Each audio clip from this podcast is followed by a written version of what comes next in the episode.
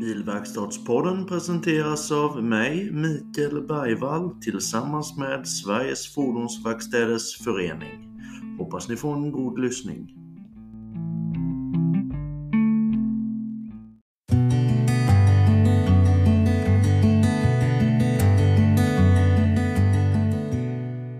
Sveriges Fordonsverkstäders Förening Oavsett om du är bilverkstad, däckverkstad, skadeverkstad, lackverkstad, fordonshandlare eller kanske jobbar med bussar eller lastbilar så kan du bli medlem hos oss på Sveriges Fordonsverkstäders Förening. Hos oss vet du att du alltid kommer att få 100% support och stöd med dina frågor gällande just din bransch. Hos oss vet du att ett enda samtal till vår juridiska expertis kan finansiera hela årets medlemsavgift. Hos oss kan du vara trygg med att vi alltid lägger 100% engagemang i att få din vardag enklare och mer lönsam. Välkommen till oss på Sveriges Fordonsverkstäders Förening.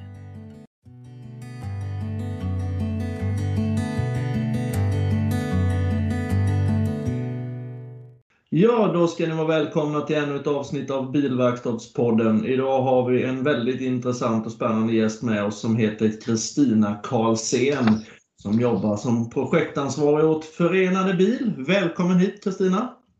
Tack så mycket! Jag skulle börja med och vilja att du berättar lite vem du själv är och hur mycket du vill själv avslöja om din privata del. Ja, jag heter som sagt Kristina och eh, har jobbat i bilbranschen i hela mitt liv. Jag eh, gick kontor och distributionslinjen när jag gick gymnasiet, vilket många kan tycka det är helt fel linje för att man sen ska jobba i bilbranschen. Och eh, jag har haft jättemycket nytta av det jag lärde mig där, men jag har haft ännu mer nytta av det jag har lärt mig i mitt arbete.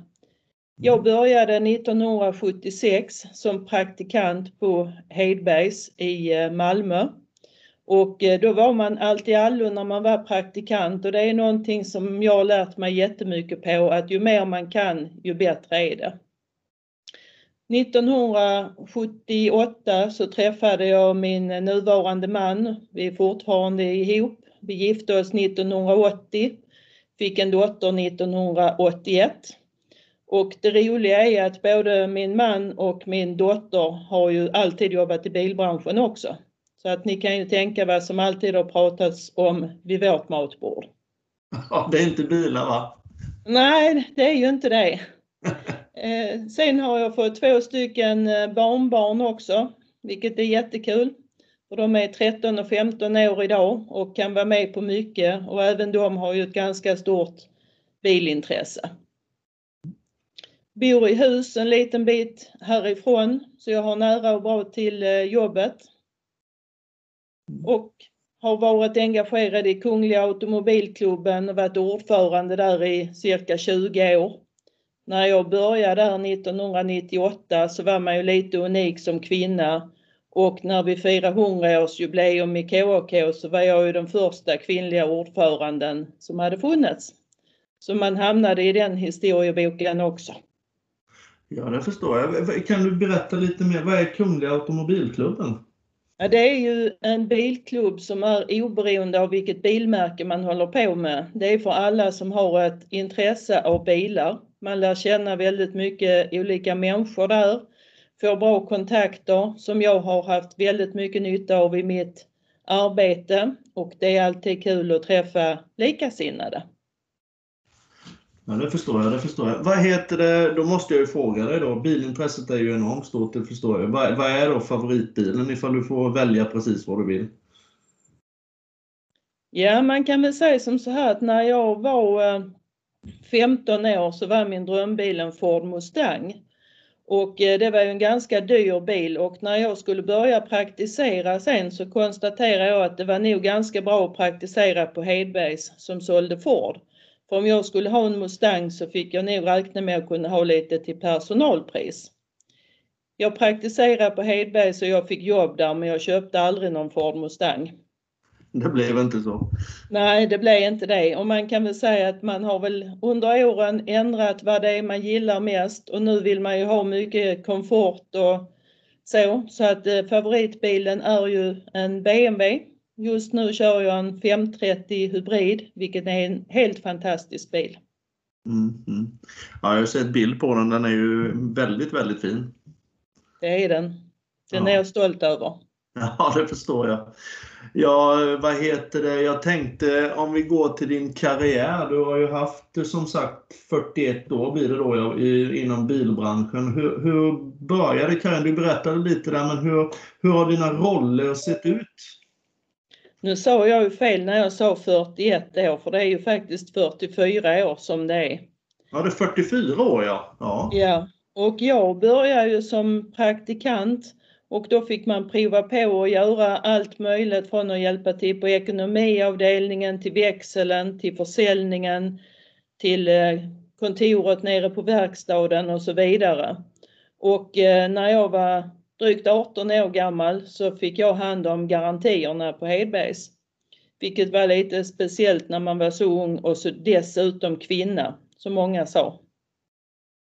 Och det höll jag på med i många år, men jag hade även alltid lite med kundkontakt och sådant, för jag har alltid tyckt det var kul med människor. Och eh, 1989 så skulle man bygga en ny anläggning i Malmö i en stadsdel som heter Fosie. Och då fick jag frågan av servicemarknadschefen om jag kunde tänka mig att börja jobba där. Och det kände jag att det ville jag. Men sen frågade han mig, ja vi hade tänkt att du ska bli verkstadschef där.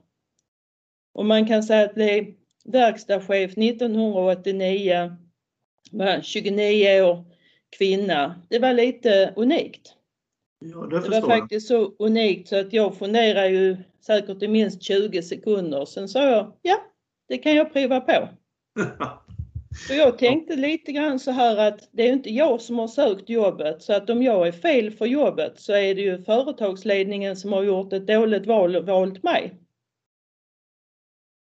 Och det kan man väl säga, det är väl någonting som har stöttat en väldigt mycket.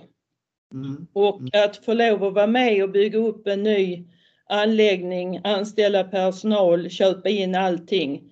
Det var en jättetrevlig resa som naturligtvis var väldigt jobbig men man lärde sig enormt mycket på det. Och eh, ja, man får vara väldigt stolt att man har fått lov att vara med på det.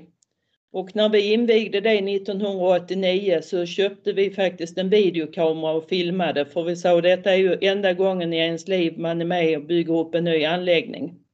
Mm. Men det var helt fel för det har blivit många anläggningar till sedan dess. Mm. Hur har det sett Eh, ut? Så då blev jag verkstadschef 89 och det var jag fram till 2006. Eller förlåt, 1996 då jag blev servicemarknadschef, ansvarade för tre anläggningar. Och sen år 2000 så sa jag upp mig och började på Förenade Bil som servicemarknadschef. Mm. Och då har du alltså varit på Förenade Bil nu då i 20 år kan man säga? Ja, det har jag. Ja. Och du har haft en hel del olika roller inom Förenade Bil antar jag också? Ja. Bland det första nya uppgiften det blev ju att det köptes in en annan anläggning så att helt plötsligt så hade vi två anläggningar i Malmö. Och det var ju en liten utmaning när man själv hade jobbat här i fyra månader och sen skulle man lära upp en del andra människor att jobba på samma sätt som vi gjorde. Samtidigt som det påbörjades så började vi att projektera och bygga en ny anläggning. För vi var mitt inne i city innanför kanalerna där Förenade Bil fanns i 85 år innan vi flyttade därifrån. Och eh, eftersom jag hade varit med redan och byggt upp en anläggning så tyckte Joakim Söderström som var VD och ägare på, på Förenade Bil att det var ganska lämpligt att jag fick vara med i det projektet. Så han och jag drev ju det projektet alltifrån eh, ett vitt papper till ett färdigt hus. Och eh, tomten som vi är på idag, där var vi ju först ut. Det var en enda stor åker. Yttre ringvägen var precis byggd och invigd. Här var inte så mycket bilar. Men mycket hann hända innan vi 2006 var färdiga och flyttade in i denna anläggningen. Ja, det förstår jag. Det förstår jag. Men vad heter det, hur ser läget ut nu runt omkring er? Är det flera bilanläggningar och sånt? Jag är inte riktigt uh, haj på Malmö på så sätt. Nej. Man kan väl säga att efter det sen byggde vi en Lexusanläggning på vår tomt sidan om här. Mm. Och eh, Peugeot byggde längre ner på gatan. Efter det så kom Porsche och eh, för ett par år sedan så har vi själv byggt även en Jaguar Land Rover-anläggning. Ja. Så att detta har blivit en bilgata. Ja, det förstår jag. Det låter som ett riktigt bilnäste. Jag måste ner och hälsa på nästa gång jag är nere i Malmö. Du är hjärtligt välkommen. Ja. Eh, jag har ju fått väldigt mycket önskemål eh, från folk och att du ska vara med i podden och jag själv vill att du skulle vara med i podden såklart. Eh, hur, hur ser du på branschen generellt sett? Hur ser du, vad ser du som branschens största utmaning? Ja, den största utmaningen är nog att det händer väldigt mycket med tekniken i våra bilar och hur allting ska hanteras runt omkring. Och det är inte lika lätt att få alla anställda att förstå allt nytt som kommer och hur det ska hanteras. Vi, mm. det kräver väldigt, väldigt mycket utbildningar hela tiden för att man ska hålla sig ajour och helt enkelt klara av sitt arbete. Ja. Och det gäller ju att behålla personalen som man sen har anställt och investerat i med en massa utbildningar. Mm, mm. Vad heter det, om man ser det så här då, det är ju ganska ovanligt med kvinnor i branschen, framförallt kvinnor i den positionen som du besitter. Hur, hur ska vi kunna lyckas med att locka kvinnor till branschen? Ja, det är ju en fråga som jag har fått väldigt många gånger under åren och jag har sett många kvinnor som har kommit in. Jag har anställt en del själv och eh, några jobbar kvar sedan många år tillbaka. Andra har inte jobbat kvar så länge. Och det viktiga är ju egentligen att de som kommer och vill jobba i den branschen, oavsett om de är man eller kvinna, så är det väldigt viktigt att man verkligen tycker det här med bilar är kul. För det är mycket jobb på en arbetsdag och man vet aldrig riktigt vad som händer. En del ser det som en utmaning, andra tycker bara att det är jobbet. Mm. Och tycker man inte att, att bilar och personal och kunder och det där är någonting som är skoj, då är det inte lätt att göra ett bra arbete. Så jag tror lite automatiskt, jag ser bara idag har vi ju i princip på alla våra anläggningar någon kvinnlig bilförsäljerska. Det hade man inte förr i tiden. Vi har ganska många tjejer i vår servicefront oavsett om det är till kundmottagning eller det är till reservdelar. Eh, vi har ju vissa roller som är nästan alltid kvinnor. Det är ju våra receptioner som tar hand om våra kunder som är vårt ansikte utåt det första kunden träffar. Mm. Så man kan väl säga att där är ju många som har jobbat hos oss som har kommit in som halvvärd men de gick i skolan, jobbat helger på timmar, hjälpt till, lärt sig företaget, lärt sig produkterna och sen kommit in och fått då olika roller i företaget. Ja branschen eh, generellt sett då, bilverkstadsbranschen om vi pratar den, den är, har ju ett rykte om sig att vara lite smutsig och olja och skitig. Kan du, kan du ta död på de ryktena nu en gång för alla? Ja, det kan jag väldigt enkelt göra för att så är det inte längre.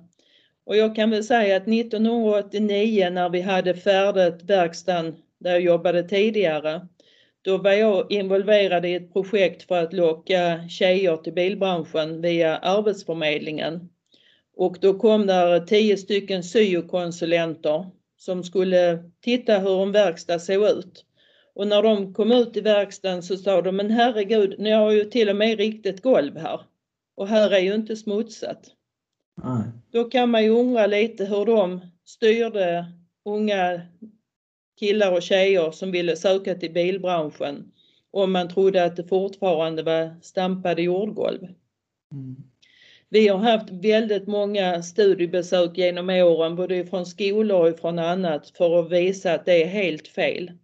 Och när vi har haft våra invigningsfester, när vi har invigt våra nya anläggningar som vi har byggt runt omkring i Skåne, så har vi oftast serverat middagen i verkstaden. Mm. Och det är lite för att även visa våra kunder att våra verkstäder är så rena och fina så att vi kan stå och äta middag här när vi har fest. Mm. Ja, det krävs, ju, det krävs ju verkligen att någon gör som du här, att man markerar tydligt och klart att branschen är inte som den var för 20-30 år sedan utan den är ju helt annorlunda nu. Och där finns ju väldigt mycket hjälpmedel till de tunga lyften för teknikerna och eh, det är viktigt att inte bara vi köper in dem utan att vi även ser till att alla använder dem. För att man kan spara sina ryggar och axlar väldigt mycket genom att jobba på rätt sätt. Mm. Och förutsättningarna finns. Ja, du pratade lite förut om eh, att du har haft mycket studiebesök och sånt. Hur ställer ni er till eh, prao eller pryo hette det för förr, men prao-verksamhet och sånt där hos er på verkstäderna för redan i grundskolan ta upp, eh, ta upp eh, folks intresse, både killar och tjejers intresse för bilbranschen? När det gäller prao i nian så är vi ganska restriktiva med det. Därför att eh, det är svårt att göra det så det blir meningsfullt för eleven.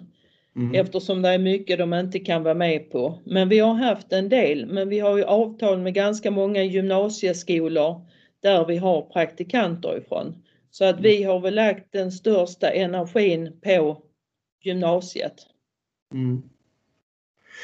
Vad heter det? Vi har ju lika sådär när det gäller utbildning då till branschen, när det gäller lärarsidan på gymnasierna. Där är det också brist och det är många som går pensionen framöver, de här bitarna. Hur, hur ska man kunna locka lärare till, fordon, eller till att bli yrkeslärare helt enkelt? Har du några tips eller idéer kring det?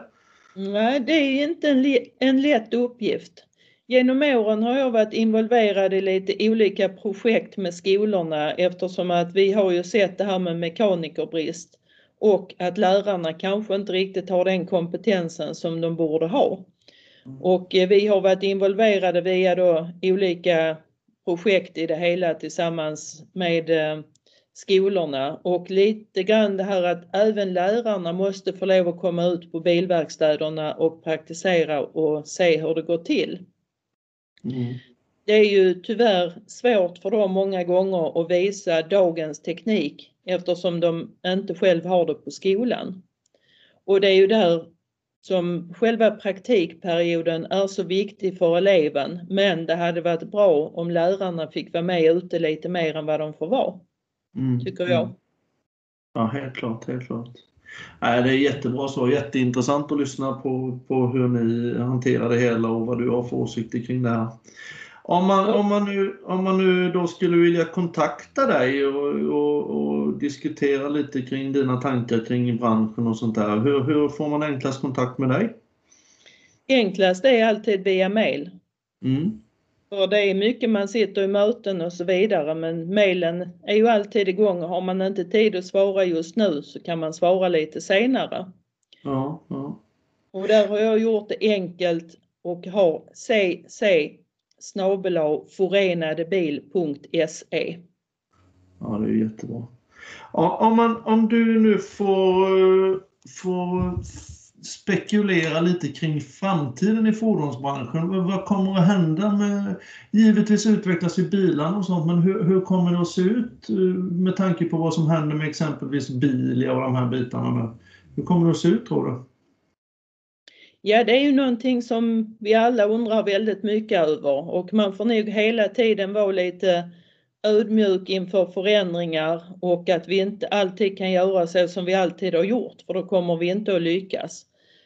Utan vi måste hela tiden hitta nya vägar på olika saker som vi gör och vi måste göra det bättre och enklare och vi håller hela tiden på att försöka att hitta bättre lösningar för våra kunder för att underlätta när de kommer till oss. Och det är väldigt mycket mer idag som man kan göra via nätet och boka tid och göra förfrågningar och allting sådant. Ja. Och det gäller hela tiden att jobba i en förändrings och förbättringsprocess. Ja. Vad ska du göra sen den dagen du, du funderar på att, sluta inom branschen? Ja du, det var en bra fråga. Ska du resa till utlandet, till USA?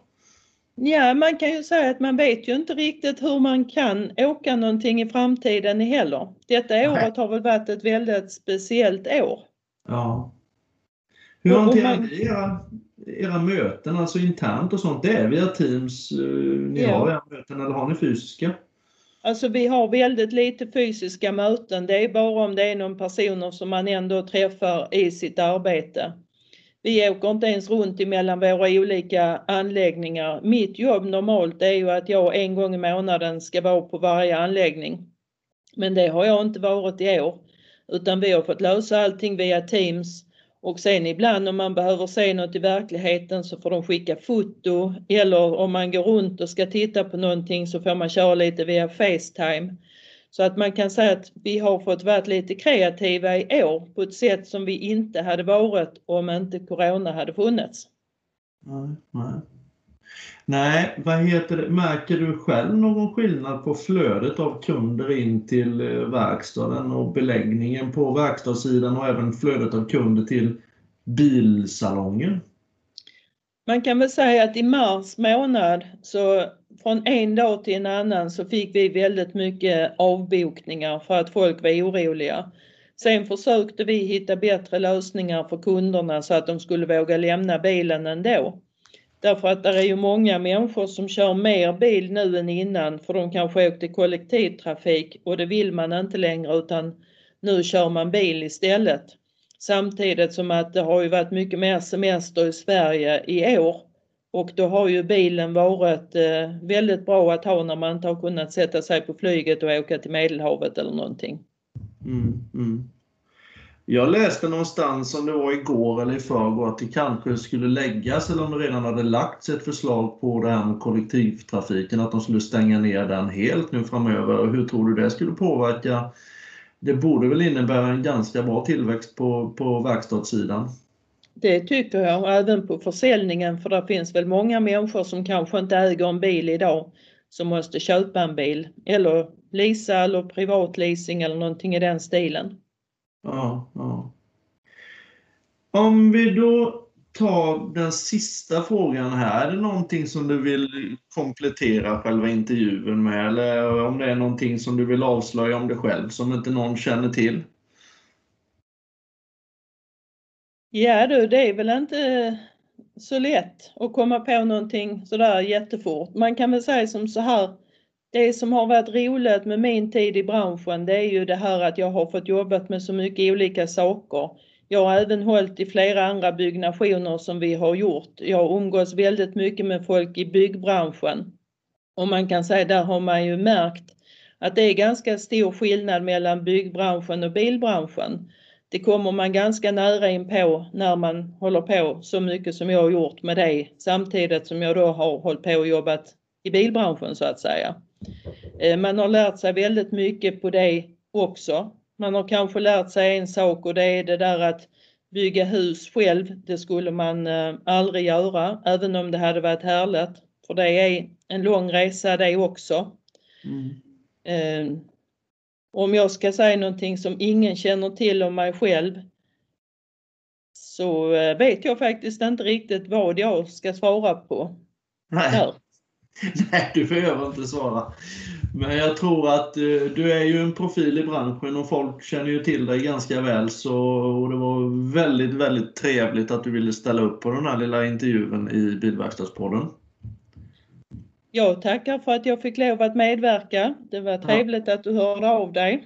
Ja, och jag önskar dig, din make, dina barn och barnbarn en så bra jul som det går att få under coronatider. Ja, jag önskar dig detsamma. Stort tack! Tack!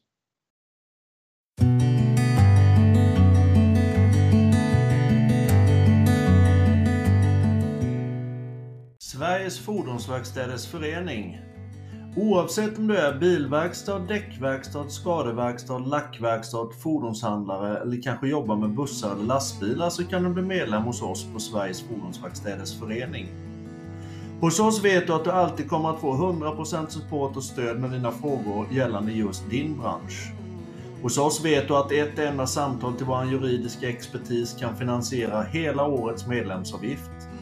Hos oss kan du vara trygg med att vi alltid lägger 100% engagemang i att få din vardag enklare och mer lönsam. Välkommen till oss på Sveriges Fordonsverkstäders Förening.